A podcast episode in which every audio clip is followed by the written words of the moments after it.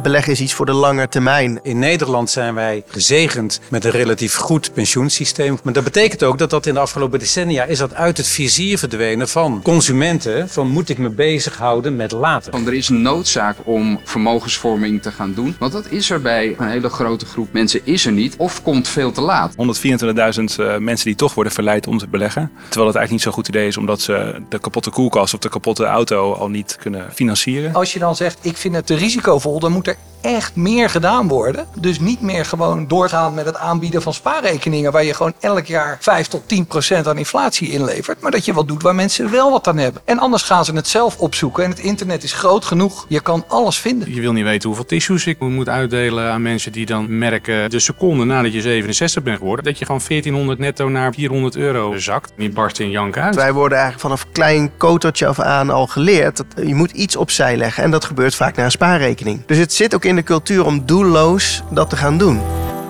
Dit is Leaders in Finance. Een podcast waarin we op zoek gaan naar de mens achter het succes.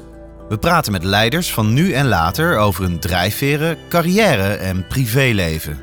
Waarom? Omdat er meer gesproken moet worden in de financiële sector. We willen de partners van deze podcast hartelijk bedanken voor hun steun.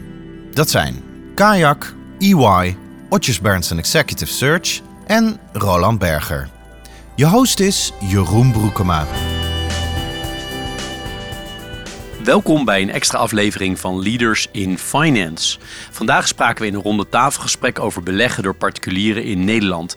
We gaven de sprekers de volgende iets wat provocatieve vraag mee, namelijk waarom beleggen Nederlanders niet of nog niet?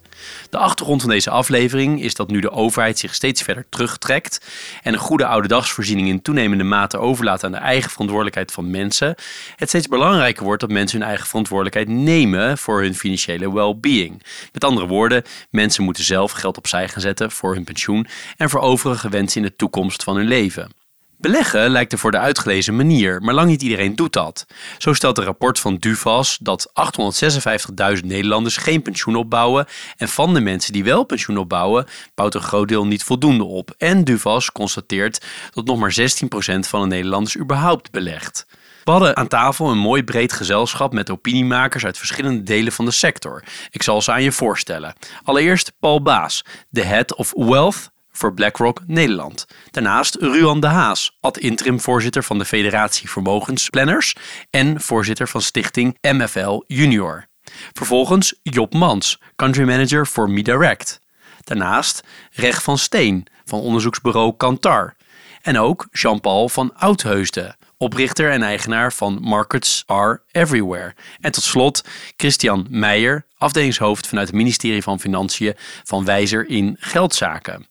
Wat volgt is een deel van het rondetafelgesprek met interessante gedachten, goede discussies, mooie pros en cons en goede one-liners over beleggen, sparen, disclaimers, risico's en natuurlijk over de Nederlandse cultuur van sparen en beleggen. De podcast vangt aan bij een bespreking door Job Mans over waarom mensen niet beleggen. Enjoy! We hebben een onderzoek uitgevoerd onder de niet-beleggende burger. Daar komen altijd een beetje dezelfde resultaten uit. Ook al een aantal van dit soort onderzoeken gezien. Potentiële beleggers, de beleggers die überhaupt nog niet nadenken over beleggers. En er komt eigenlijk altijd hetzelfde beeld uit. Eh, de reden waarom mensen dat niet doen, is omdat ze uh, de angst hebben dat het te veel risico met zich meebrengt. De ondervraagde 30% geeft aan, ik vind het gewoon te risicovol. Waarbij 21% weer aangeeft, ik heb er geen kennis van. Dus ik heb er geen, geen kaas van gegeten. Ik, ik wil er ook niet in beginnen. En de reden daarvoor is, ik mis de kennis. En interessant genoeg uh, geeft 17% aan, ik heb gewoon geen interesse in. Ik wil gewoon niet beleggen. Het is niet iets wat ik wil.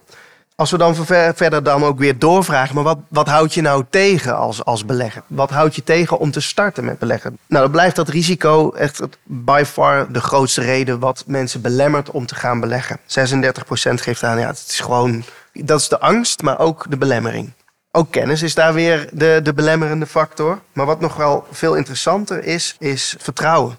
Het vertrouwen in de markt, het vertrouwen in het economische klimaat. Daarvan geeft 4% aan, ik, ik heb gewoon geen vertrouwen in dat het beleggen mij iets gaat opleveren.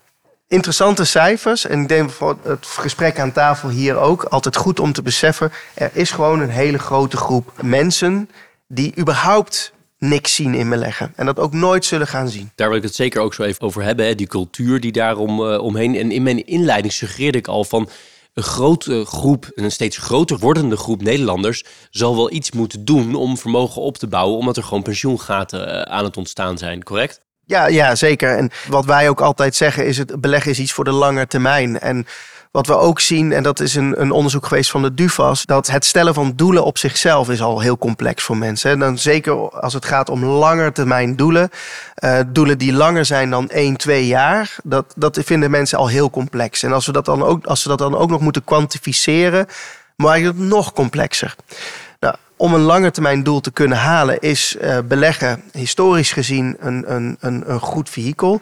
En er is, als je naar de MSCI World Index kijkt, dan is er geen moment in die grafiek van 15 jaar waarbij uh, beleggen het niet beter heeft gedaan dan sparen.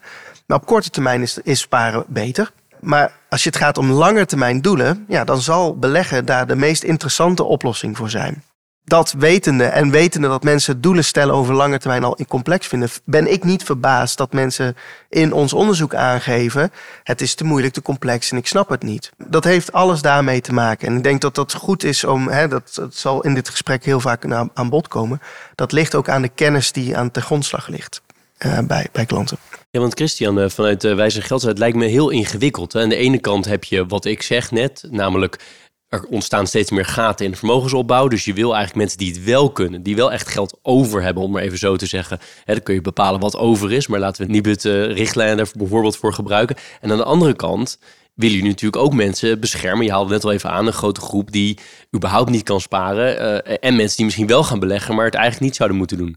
Klopt. Dus ik moet zeggen dat wij als wijzer in geldzaken over het algemeen bezig zijn met de eerste stap, namelijk een goede spaarbuffer uh, organiseren. Dat is voor een grote groep Nederlanders al een hele uitdaging. En ik denk dat het klopt dat als het eenmaal zover is en je bijvoorbeeld zelfstandig bent of om wat voor reden dan ook uh, niet kunt rekenen op een uh, gegarandeerd pensioen bij je werkgever of, of op wat voor reden ook vermogen zou moeten opbouwen, dat beleggen dan een goed idee kan zijn. Dan moet het inderdaad het liefst zo, zo veilig mogelijk. En dan moeten mensen inderdaad bij geholpen worden. Wat we zien is dat er dus een, groep is, 124.000 uh, mensen die toch worden verleid om te beleggen. Terwijl het eigenlijk niet zo'n goed idee is, omdat ze de kapotte koelkast of de kapotte auto al niet kunnen financieren. Kijk, wij werken veel aan financiële educatie. En dat betekent dat je bij, bij jongeren, en dat hoeft dan niet op basisschool over beleggen te gaan, hè, maar bijvoorbeeld nu rond studenten en MBO-studenten waar wij veel mee werken, daar zie je inderdaad wel de interesse in beleggen. Die zijn ook heel erg gegrepen door allerlei aanbieders die het vooral zo makkelijk mogelijk maken. En ik zou er eigenlijk voor willen pleiten dat dat niet. We hebben het vandaag over hoe krijgen we meer mensen aan beleggen. Dat vooral heel makkelijk maken, dat lijkt me niet de beste oplossing. Want dan krijg je dus mensen die uh, misschien wel, zoals ik net vertelde, toen ik jong was, ging ik ook maar in een paar aandelen eens kijken wat er ging gebeuren. Nou, dat werkte dus niet. Ja, als je nu jongeren in laat stappen of überhaupt iemand in laat stappen, omdat hij denkt dat hij snel geld kan verdienen met, met zijn gamification app, ja, dan ben je die misschien wel kwijt als belegger. Terwijl als je hem goed had geholpen, als je hem had, had verteld wat een goede strategie zou zijn geweest, dan heb je een goede klant die ook nog eens tevreden met zijn resultaat is. Ja, want hoe is de, de cultuur in Nederland als het om, om beleggen gaat? Zijn wij een beetje middenmoot in de wereld of lopen we achter, lopen we voor? Iemand daar iets over zeggen? Het voorbeeld is natuurlijk altijd een beetje Amerika. Uh, waar toch uh, het aandelenbezit bij mensen een heel stuk groter is. Dat zien we in Europa een heel stuk minder. En ja, dan omdat dat toch eigenlijk ook gewoon in de cultuur zit, groeien mensen daar ook iets meer mee op. Dat wil niet zeggen dat ze er dan ook meer verstand van hebben, maar dat is wel een kenmerkend verschil. En ik, ik ben nog heel eventjes, ik zit nog heel even over jouw opmerking na te denken van we moeten het niet te makkelijk maken. Dat denk ik, huh? nee, je, je, je moet het oprecht doen. Je moet het mhm. je moet niet doen als je denkt van ik wil korte termijn winst hebben. Maar het zou natuurlijk, eh, nou, blijft toch maar even ironisch genoeg bij het simpele voorbeeld het kopen van een aandeel Shell. Dat zou naar mijn mening zo makkelijk mogelijk gemaakt moeten worden.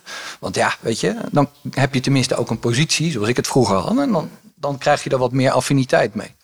Maar ik ben het met je eens dat het niet, uh, weet je, het moet te goeder trouw zijn.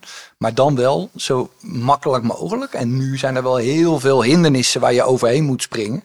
Als je alleen nog maar een beleggingsrekening wil openen. Zelfs dat is al niet meer makkelijk. Dat is, uh, daar ben je al even mee bezig.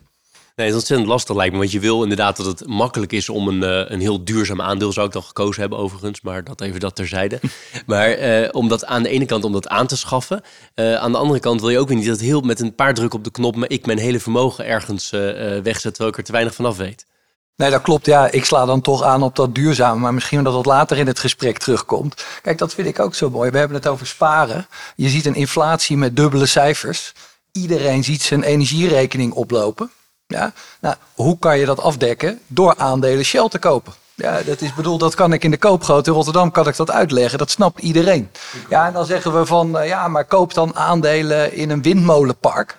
Dat is hartstikke risicovol. Dat moet zich allemaal nog bewijzen. Het levert totaal geen rendement op. Dus dat wil niet zeggen dat ik tegen ben. Maar als je het nou makkelijk wil maken voor mensen, dan moet je wel met dat duurzaamheidsverhaal heel erg oppassen dat je het goede verhaal vertelt. Paul? Ik wil toch nog even terugpakken op uh, het punt wat uh, Job maakte over het stellen van, van doelen. En ook aansluitend op het stukje educatie. Ik denk dat er veel meer aan de eettafel met, met kinderen gesproken moet worden over geld en geldzaken. En wat zijn dan je, je doelen? Wat zijn je wensen? Wat, wat, wat, wat wil je? Hoe wil je die bereiken? Is daar geld bij nodig? En hoe ga je dat dan bereiken? En uh, niet alleen aan die, aan die keukentafel, het moet ook inderdaad uh, terugkomen in, in de les, lesruimtes, zowel lagere als, als middelbare school. En dan pas gaat, het, gaat het leven. En dan, dan komt er ook wel dat besef van er is een noodzaak om vermogensvorming te gaan, gaan doen. Want dat is er bij ook een hele grote groep mensen is er niet of komt veel te laat. Wie van de mensen hier op straat, hier in Utrecht is uh, inmiddels de 40 gepasseerd en begint dan te denken aan van moet ik doen voor mijn pensioen. Dus de conversatie over, over uh, geld moet heel vroeg, vroeg starten. Ja, het is dus ingewikkeld, want je hebt het over geld. Dat is in zichzelf al een moeilijk onderwerp natuurlijk. Hè? Vaak complex. Producten soms worden als heel complex ervaren. En er komt ook nog eens bij dat je dan ook nog van mensen vraagt om op hele lange termijn te gaan nadenken. Wat voor mij ook, voor iedereen heel moeilijk is.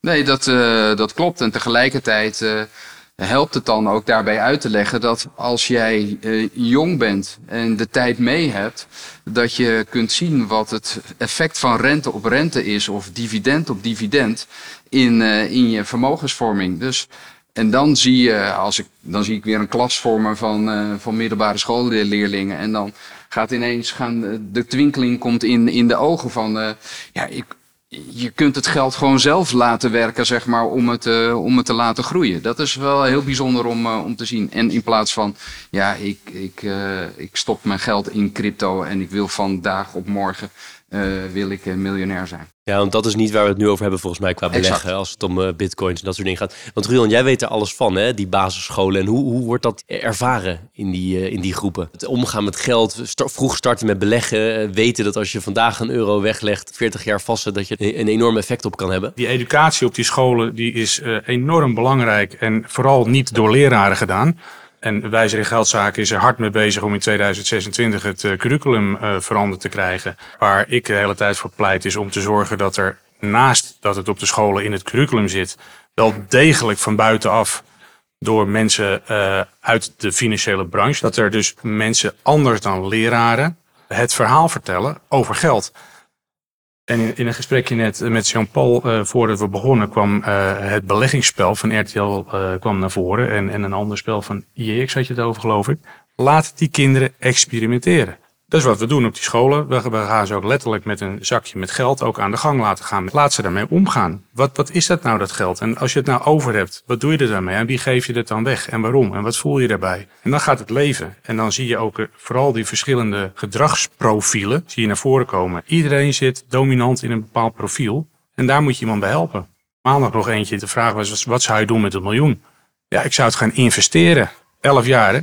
Dus ik vraag aan die groep, wat is investeren? Nou, kwamen, er kwamen twee vingers naar boven. Die gingen gewoon even rafijn uitleggen hoe dat gewoon werkt, waar wij het hier over hebben. En dat was meegekregen vanuit thuis? Denk het. Of iets anders wat we misschien ook nog even moeten bespreken. Influencers. Uh, er is niks mis met die influencers, alleen misschien met de manier waarop we het doen. En ik denk dat dat wel uh, ons met z'n allen verder helpt. Het gaat zo verschrikkelijk hard bij die jonge kinderen.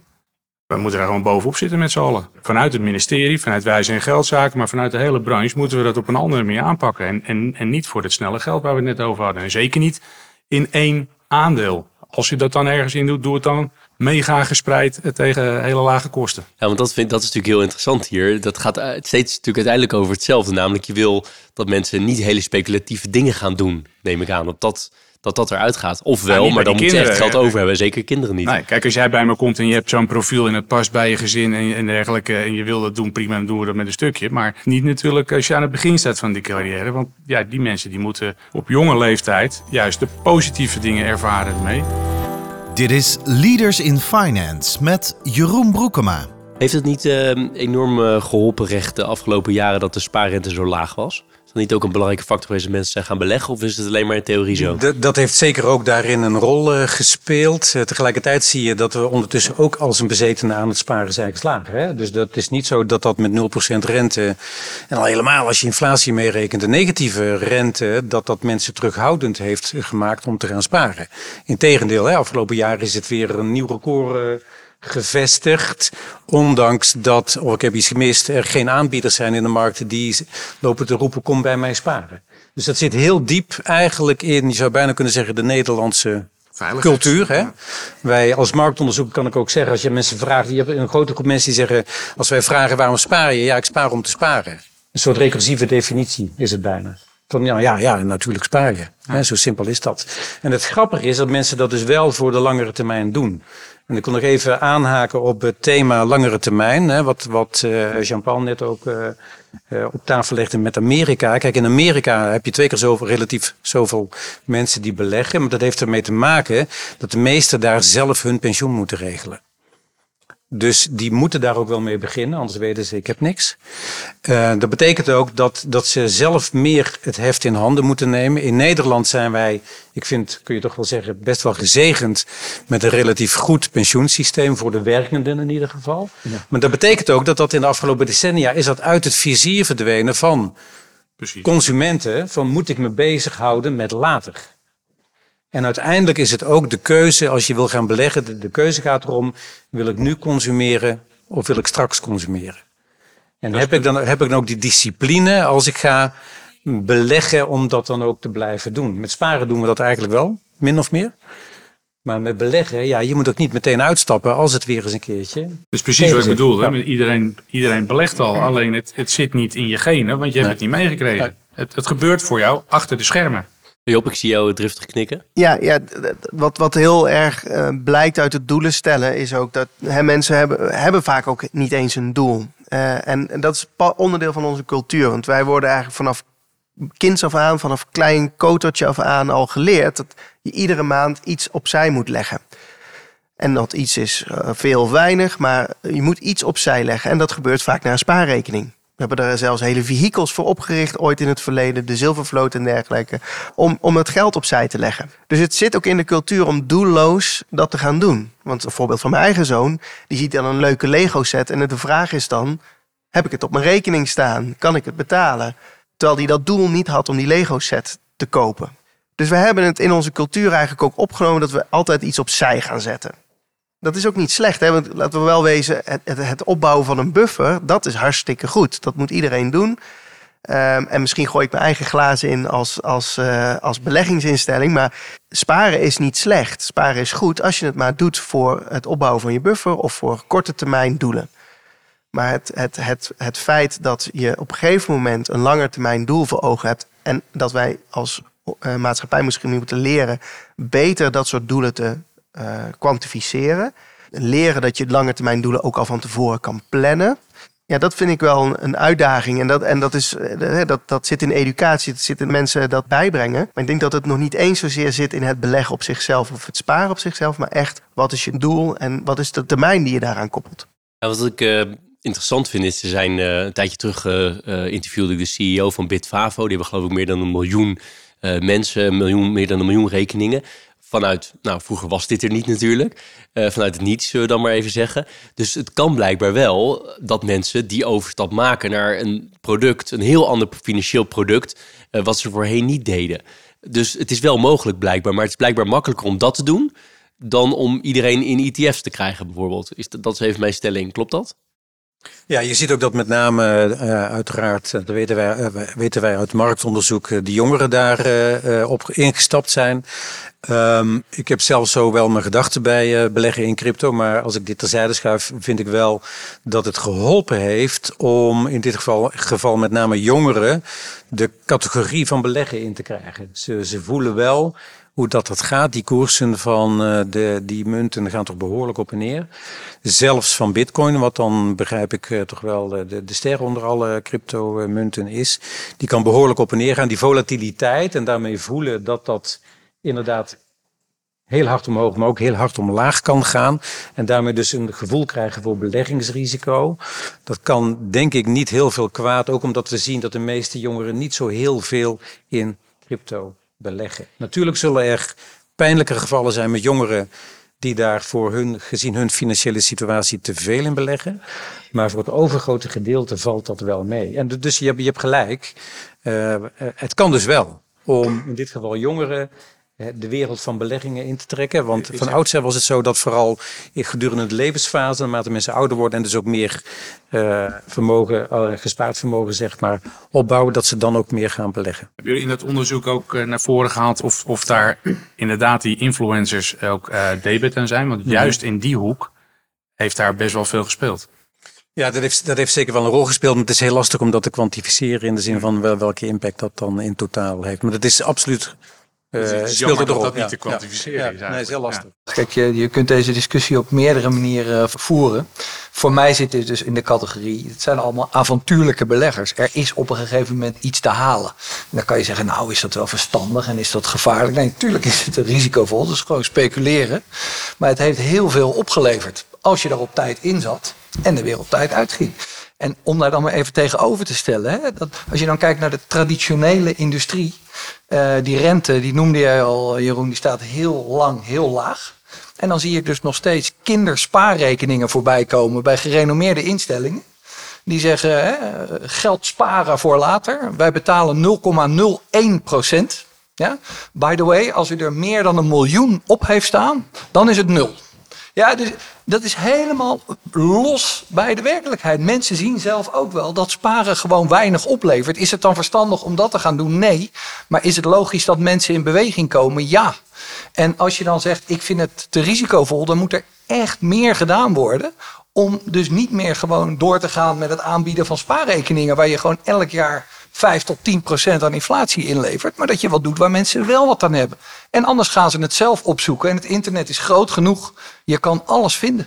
Helder. Ik wil misschien nog wel iets zeggen over uh, wat hier werd genoemd influencers en hoe zij uh, jongeren aan die crypto's krijgen. Vorig jaar hebben we een campagne gelanceerd, uh, Slim in Crypto. En hebben we eigenlijk onze eigen influencers gemaakt. Dus helemaal in de stijl van hoe die, hoe die jongens erbij lopen op YouTube. Dus dat zijn dan meestal mooie jongens op Bali met een paar knoopjes te veel open van een overhemd, die dan uh, enorm succesvol zijn. En nou, dat hebben wij dan ook uh, gedaan. Dus een uh, jongen die ook met, een, met een paar knoopjes te veel open mensen probeert te trekken naar zijn verhaal. Maar die vertelt dan, wil jij mijn gouden tip? En dat is dan, ga niet in crypto met geld dat je niet kunt missen. Kijk, er zijn natuurlijk niet zo heel veel jongeren van 21 jaar die zoveel geld hebben dat ze eigenlijk al aan beleggen toe zijn. Tenminste, dat, is mijn inschatting. De meeste die moeten ergens wonen. Uh, nou, misschien dat is voor elkaar te krijgen in een grote Nederlandse stad uh, tegen een normale prijs. Uh, die, zijn, aan het, die hebben een leuke hobby of die willen misschien iets sparen om niet 20 jaar later, maar vier jaar later een grote aankoop te doen. Dus het is eigenlijk, ik ben het met je eens recht dat, dat dat heeft ook zijn voordelen gehad. Want het, over het algemeen stappen ze niet met heel, heel een vermogen erin. En ja, is het ook een soort leercurve die ze, die ze meemaken. Uh, maar tegelijkertijd is het, ja, zit er natuurlijk wel duidelijk gevaren in uh, dat, dat je denkt dat je uh, met dit soort producten je, je toekomst kan veilig stellen. Kun, kunnen we niet samen zeg maar, daarop doorhaken en, en dan dat op, op een positieve manier omzetten en, en, en het oude IEX-spel uit de kast halen, afstoffen, een paar van die, van die knoopjes jongens en meiden neerzetten en op, op die manier ze letterlijk aan het beleggen te krijgen in een spel. Eh, eh, maar dat er dan ook wel, waar dan ook wel wat te winnen is op een, op een normale manier. Maar dat het, dat, dat, het experimenteren. Dat, ik, ik denk dat dat, zeker als wij in groep 8 daarmee dat, dat neer kunnen zetten. Ik denk dat daar een wereld te winnen is.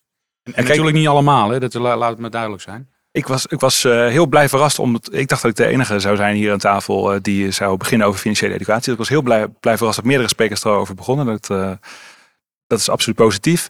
Waar ik een beetje blijf haken is, is de zin om meer kinderen aan beleggen te krijgen. Dat zou ik niet zozeer als, als doel zien. Eh, het is vaak bij kinderen zo dat je, zeker als ze jong zijn, dan moet je nog maar eens beginnen over sparen. En dan vind ik het een heel goed punt dat je dan ze moet leren een spaardoel. We werken met een spaarboom en dan bovenin de boom eh, is het of een Lego set of een step of wat dan ook.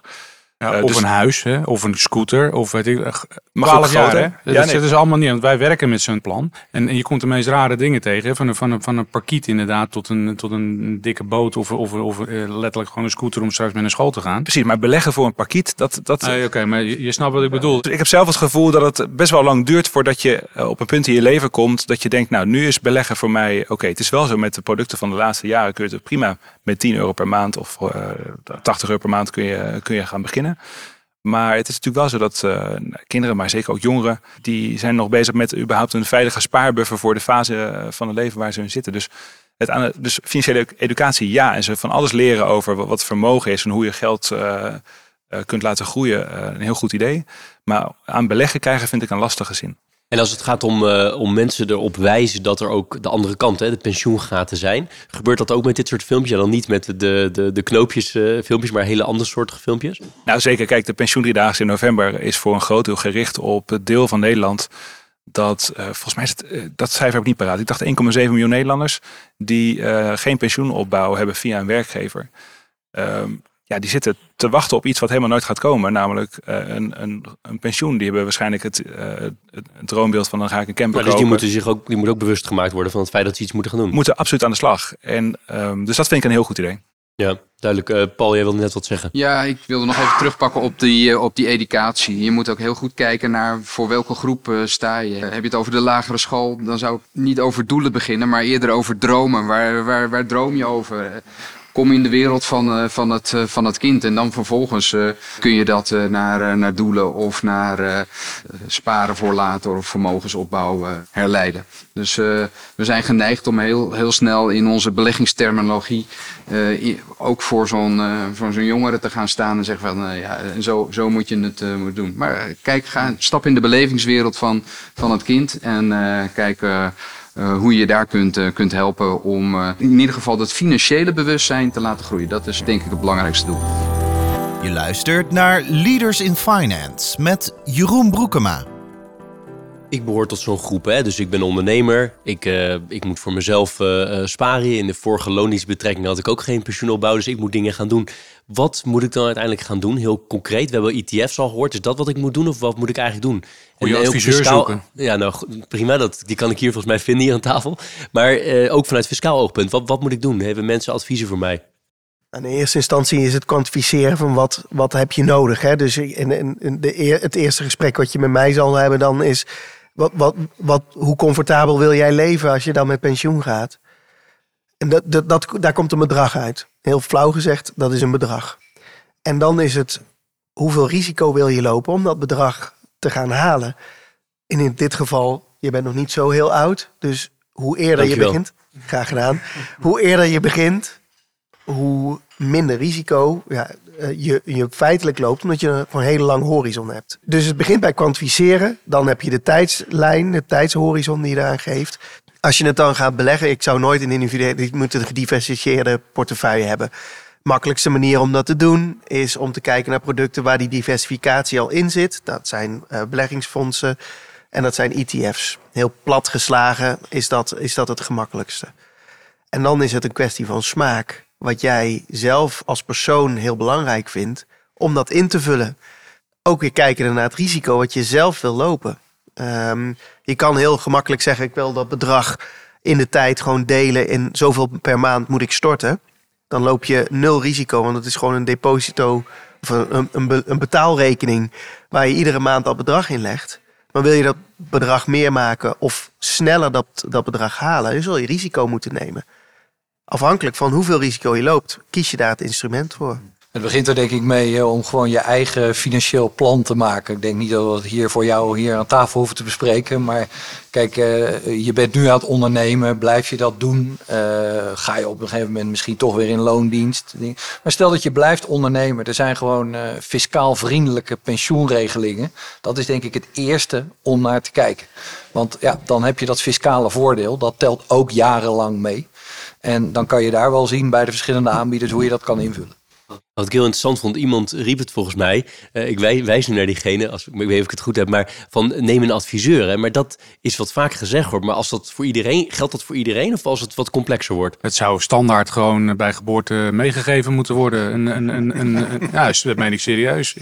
Ik, zit, zit heel veel met mensen aan tafel die het wat minder hebben. En dan worden we daar ingevlogen. En je wil niet weten hoeveel tissues ik eh, moet, eh, moet, moet uitdelen aan mensen die dan eh, merken van joh, oké, over vijf jaar of over drie jaar word ik 67. En, die- dat zijn mensen die bijvoorbeeld uit het buitenland komen of in het buitenland hebben gezeten of een scheiding hebben gehad. En die missen dus een, een heel stuk AOW-opbouw of een heel stuk pensioenopbouw. En die weten dat dus niet. Is ze nog nooit verteld.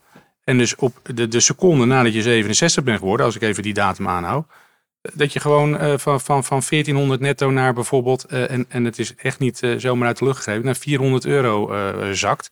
En die mensen zitten gewoon echt, die, die, die gaan achterover en die barsten in jank uit. Ik vind, ik vind het wel een gebrek, ja. Dat, eh, dus ja, een adviseur eh, die, die ze dat gewoon kan vertellen.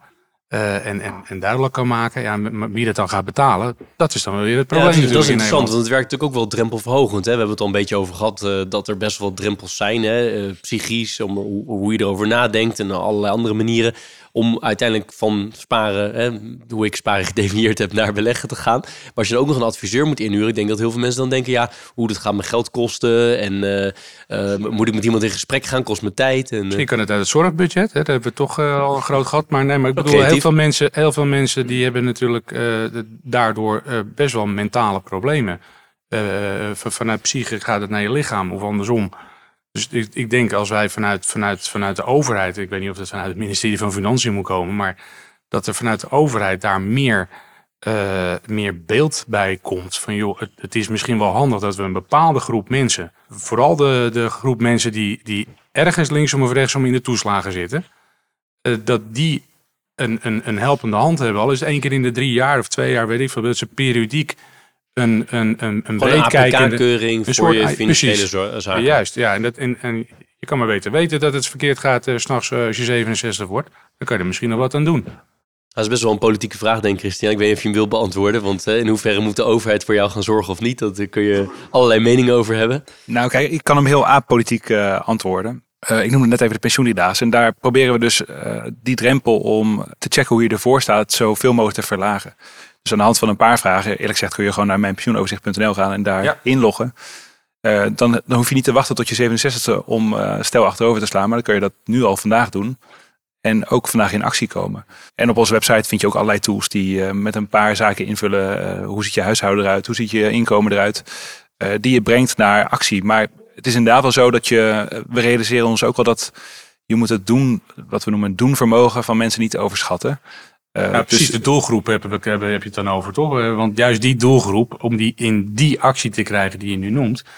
Ja, dat vind ik nog wel een vraag aan eh, ChatGPT waard misschien. Nou ja, het, zijn natuurlijk hele andere, het zijn natuurlijk heel veel verschillende doelgroepen. Het zijn mensen, en mijn eigen casus beschreef ik net, met een, met een aantal BV's is misschien net weer iets complexer. Iemand anders die moet eigenlijk gewoon alleen maar over de drempel geholpen worden om te zeggen, nou je hebt elk jaar 20.000 euro over. Waarom zou je het op een spaarrekening staan terwijl je het ook een ETF kan aanschaffen? Dat is weer een hele andere doelgroep.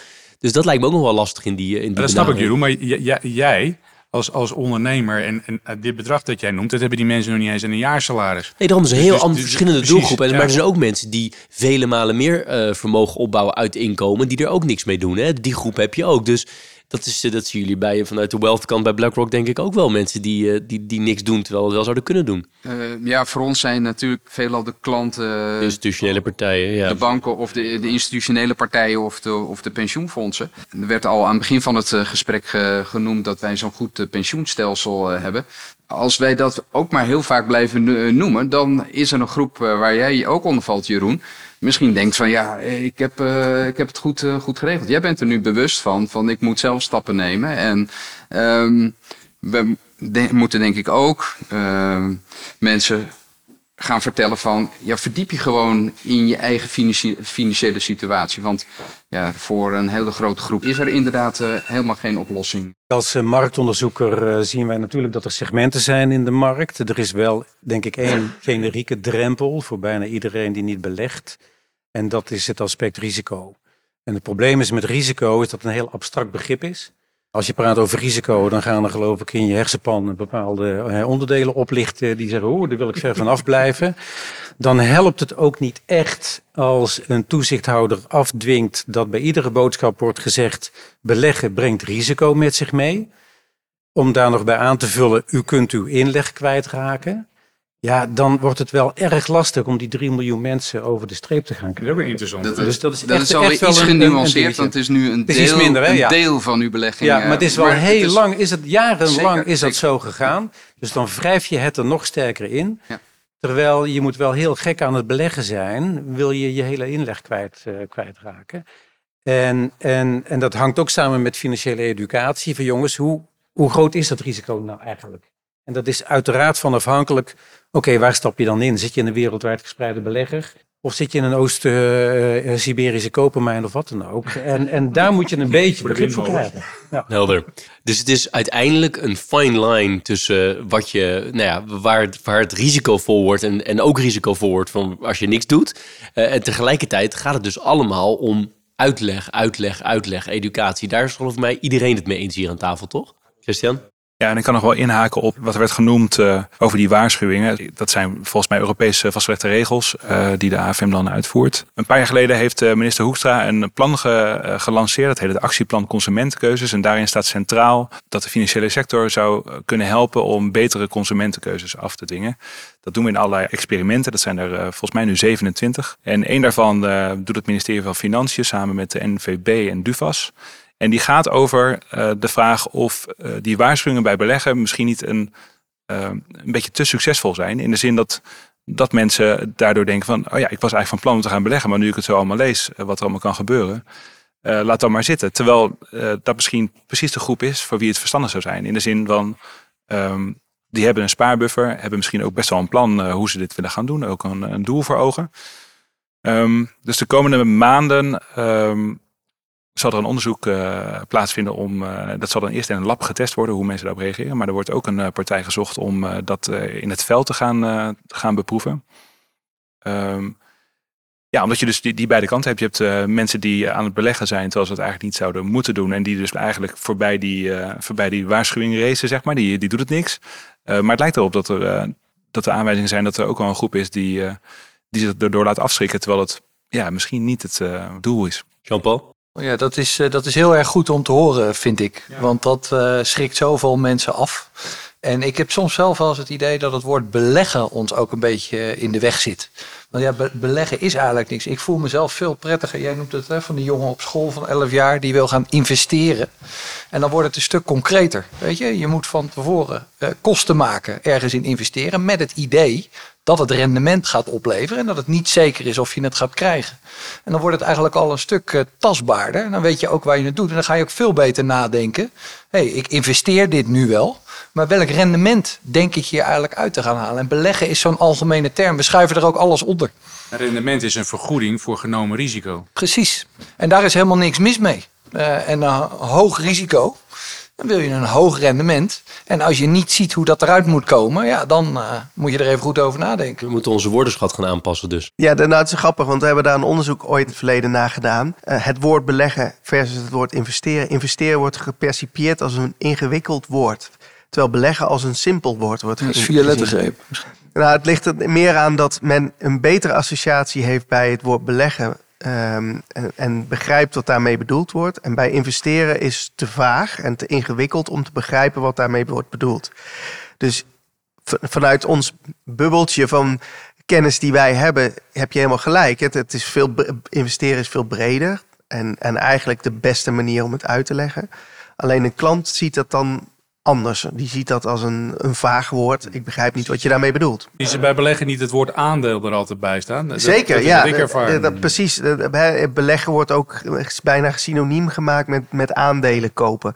Terwijl dat precies is wat het vaak niet is. Niet per se is, laat ik het nuanceren. En dat, daar zijn we allemaal debet aan, want wij gebruiken allemaal het woord beleggen overal voor. Maar dat is, het, is, het zit zo in het brein eh, gekoppeld aan iets wat het niet is. Nou, daarom dat ik sparen ook altijd gewoon onder beleggen schaar. En, Ja. en net, net ook te vroeg van laten we dat definiëren. Wat is sparen? En sparen is wat mij betreft, net als aandelen, een onderdeel, Onderdeel, van, ja. dat- Ja, van het correct. container beleggen. Maar ik denk dat Jean-Paul zeker een punt heeft. En zeker als je bedenkt dat consumenten de afgelopen, nou wat is het, 15 jaar denk ik, geprimed zijn met de boodschap beleggen brengt risico met zich mee. Ja. Beleggen brengt risico met zich mee. Dat hoor je al 15 jaar. Probeer dat maar eens kwijt te raken. En het is grappig, ik wil nog wel een voorbeeld uit de praktijk geven. Ik vind dat heel erg leuk om dingen proberen simpel te houden. We hebben nu die hoge energierekeningen. Half Nederland is nu bezig of heeft al zonnepanelen.